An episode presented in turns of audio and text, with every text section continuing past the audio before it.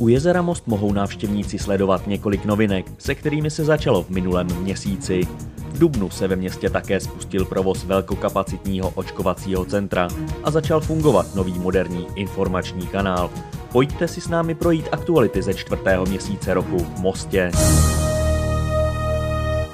I v měsíci dubnu jsme pokračovali v revitalizaci jezera Most. Nám se podařilo během dubna eh, vysadit nebo vysadit nový trávník na jezeře.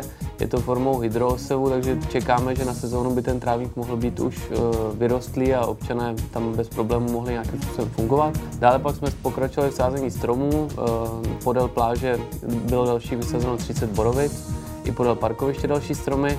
Přibližuje náměstek primátora Marek Hrvol. Novinkou je, že začal jezdit k jezeru autobus městské hromadné dopravy a byla zprůjezdněna silnice kolem městského hřbitova. Pokračuje také výstavba občerstvení a dalšího zázemí. Od 22. dubna nemusí mostečané chodit na očkování proti onemocnění COVID-19 do nemocnice, ale do nově zřízeného velkokapacitního očkovacího centra. Více k tématu říká primátor Jan Paparega. My jsme moc rádi, že jsme mohli vyhovět eh, požadavku krajské zdravotní a přesunout eh, očkování do naší sportovní haly, respektive do tréninkové haly, kde jsou daleko lepší a kapacitně dostatečné prostory pro to, aby tam byly dodrženy hygienické normy a dostatečné odstupy. Vakcinací ve sportovní hale prošly zatím přes 4 tisícovky lidí. Rekordem je zatím asi 700 osob za jeden den. Pokud do očkovacího centra míříte, můžete se už dopředu seznámit s jeho podobou.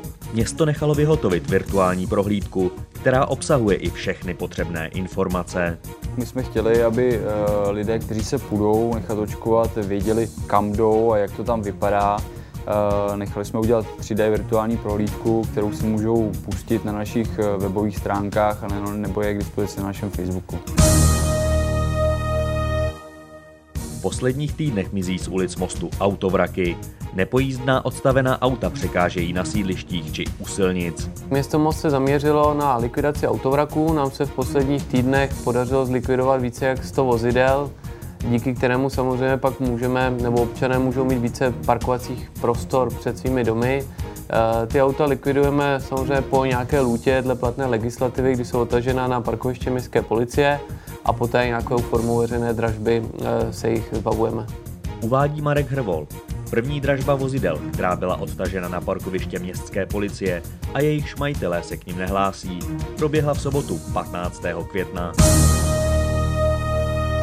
O této skutečnosti, ale i mnoha dalších novinkách a událostech, které hýbou městem, se lidé nově dozvídají také pomocí Spotify, Google Podcastů či dalších podcastových platform. Jsem moc rád, že jsme přistoupili na tuhle uh, informační platformu, uh, protože je to příjemná věc, kterou si můžete pustit uh, téměř kdekoliv v autě, když si jdete zaběhat, projít se.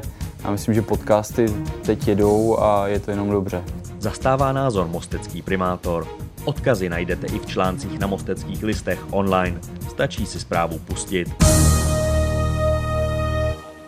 Na třídě budovatelů je nový stánek. V srpnu loňského roku zničil na stejném místě výbuch a požár prodejnu rychlého občerstvení. My jsme objednali hned nový a právě dodavatel nám dodal během měsíce dubna nový stánek a rovněž se nám podařilo už vybrat i provozovatele, kde by měl být nový provozovatel, který se bude zabývat nějakým rychlým občerstvením uzavírá náměstek primátora Marek Hrvol.